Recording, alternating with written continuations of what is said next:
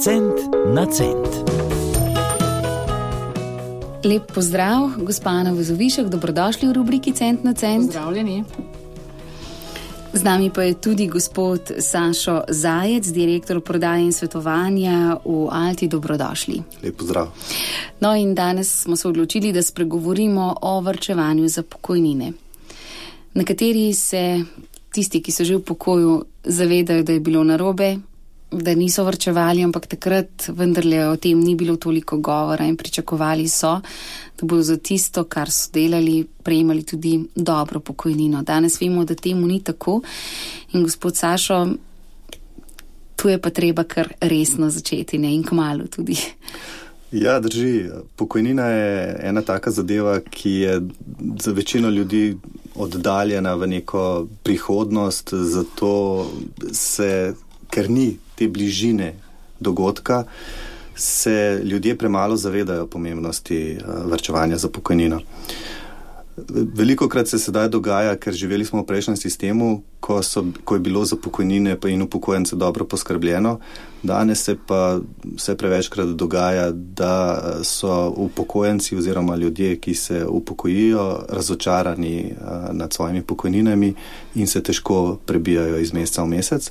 Kar nekaj takih primerov poznam, ampak pri vrčevanju za pokojnino ni popravnega izpita. Začeti je treba zgodaj, začeti je treba z zneski, ki si jih lahko privoščimo in jih kasneje po potrebi tudi povečevati, tako da, ko pride pokojnina, da bo življenje lažje oziroma, jaz tako rečem, vsaj na približno enakem nivoju, kot je bilo pred uh, pokojnino. Jaz bi mogoče dodala, ne, da se ljudje premalo zavedamo. Lepo je gospod Sašo povedal, ne, da to je tako dolgoročen cilj, oziroma da je to tako oddaljeno, da se sploh ne moramo poistovetiti s tem bodočim problemom. Ne.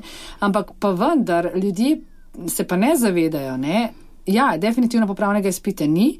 Je pa tako, ne, ko si ti obstaja neka prelomna točka, kot bi rekla, približno 42 let, če se namotam, je neka meja, ko bi rekli, ne, aha, do takrat je morda dovolj 50 evrov na stran, seveda odvisno od tega, kakšno pokojnino si želiš, nad tem leti je pa 300 evrov ni več dovolj. Se pravi, ljudje se ne zavedajo, da je v bistvu čas tisti naš največji zaveznik in da če bi, ko smo se v prejšnji oddaji ne dotaknili, če bi že starši za nas skrbeli in to mi podaljšamo, je dejansko leta nam tok gredo na roke, če se tako izrazim, da mi lahko res minimalno dodajamo, da imamo potem čez naslednjih 20 let, 30 recimo, več kot dovolj. Ampak ker tega ne počnemo, ker se pozno zavedamo tega, lahko jaz konkretno povem, da pridejo stranke, recimo stare 55 let in reče, aha, Zdaj sem pa jaz slišal, da bom imel pokojnine 700 evrov. Dajte mi vi povedati, koliko moram dati danes na stran, da bom imel 1000. To je en tak klasičen primer. Ja, naenkrat ugotoviš, da tudi 500 evrov od danes naprej na mesec ni dovolj, da boš ti imel kot dodatek pokojnini.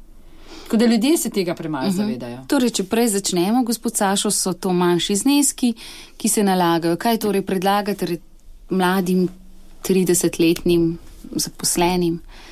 Ja, jaz bi rekel že prej kot 30 Aha, let. Prej, takoj, ko, takoj, ko nekdo pride v službo, uh -huh. začne neke prihodke ustvarjati iz dela, naj začne uh, vrčevati. Za pokojnino, jasno, in tudi za druge zadeve, ampak uh, danes govorimo o pokojnini. Uh -huh. uh, Kaj pa, če smo čez 40 ali pa kot je gospana rekla pri 55, eh, takrat gasimo požar, rekli ste popravnega izpita ni, ampak kakšna korekcija se naredi ali kaj svetujete ljudem, ko pridejo v teh zrelih letih in bi vrčevali za pokojnino? Ja, zdaj jaz večkrat rečem bolj pozno kot nikoli, ampak. Eh, potem bo pač pokojnina toliko manjša, -huh.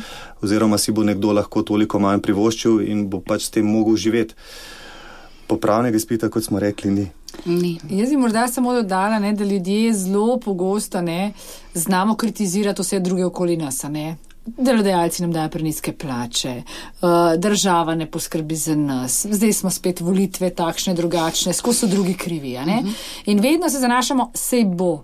Ampak jaz vedno nekako rečem, dajmo mi najprej poskrbeti zase, dajmo se vlogo, da pokojnin ne bo. In v primeru, da slučajno bodo, Ne, govorim iz mogoče iz svojega vidika, glede na svojo letnico rojstva in tako naprej. Ampak, če pa karkoli bo, sem odviška, pa še noben je rekel, joj, tega pa ne bi imel. Ne? Vse takrat se že lahko odločiš, pa podariš to nekomu mm. drugemu, če ti bo slučajno odveč. Ne? Ampak dejmo mogoče pa vse preščistati, pa reš, ok, bom odgovornost ne, na se prevzel, ker je to škoda. No? Mm -hmm. ker... Kakšen odstotek pa naj gre za pokojnino? Rekli smo, nekdo, ki vstopi na trg dela, naprimer pri 25 letih, pa zaokrožimo, da ima plače naprimer 1000 evrov, koliko naj daje na stran. A je kakšen tak enostaven izračun? Vem, da so to bolj komplicirane stvari. Ja, nekje 10% je, je tisti znesek, ki naj bi ga nekdo namenil uh, za vrčevanje za pokojnino. Mogoče tukaj uh, še nek pregovor, ki so ga naše babice uh, dobro poznale. Um, kako postopno, s postopnim vrčevanjem ali pa izma, z malimi koraki lahko pridemo do, do svojega cilja želenega. Uh, je pa tako le šel, zrno na zrno pogača, kamen na kamen palača. Tako da tega so se naši, naši stari starši mhm. dobro zavedali, danes se mi zdi pa, da vse preveč pozabljamo na, na te stare reke. Je to je res, ampak potem je nas življenje samo pripelje na to. Danes je imel palačo, ne, pa takoj. Takoj ne, palačo, ja. Brez čisto kol. Ja. Kamna na kamen, ne. Tako. Ja. Takoj celo palačo. Ampak ne gre. Ne. Nikoli ne. Uh, gospa Ana Vezovišek, gospod Sašo Zajec, hvala lepa tudi za danes. Hvala vam. Hvala. Cent na cent.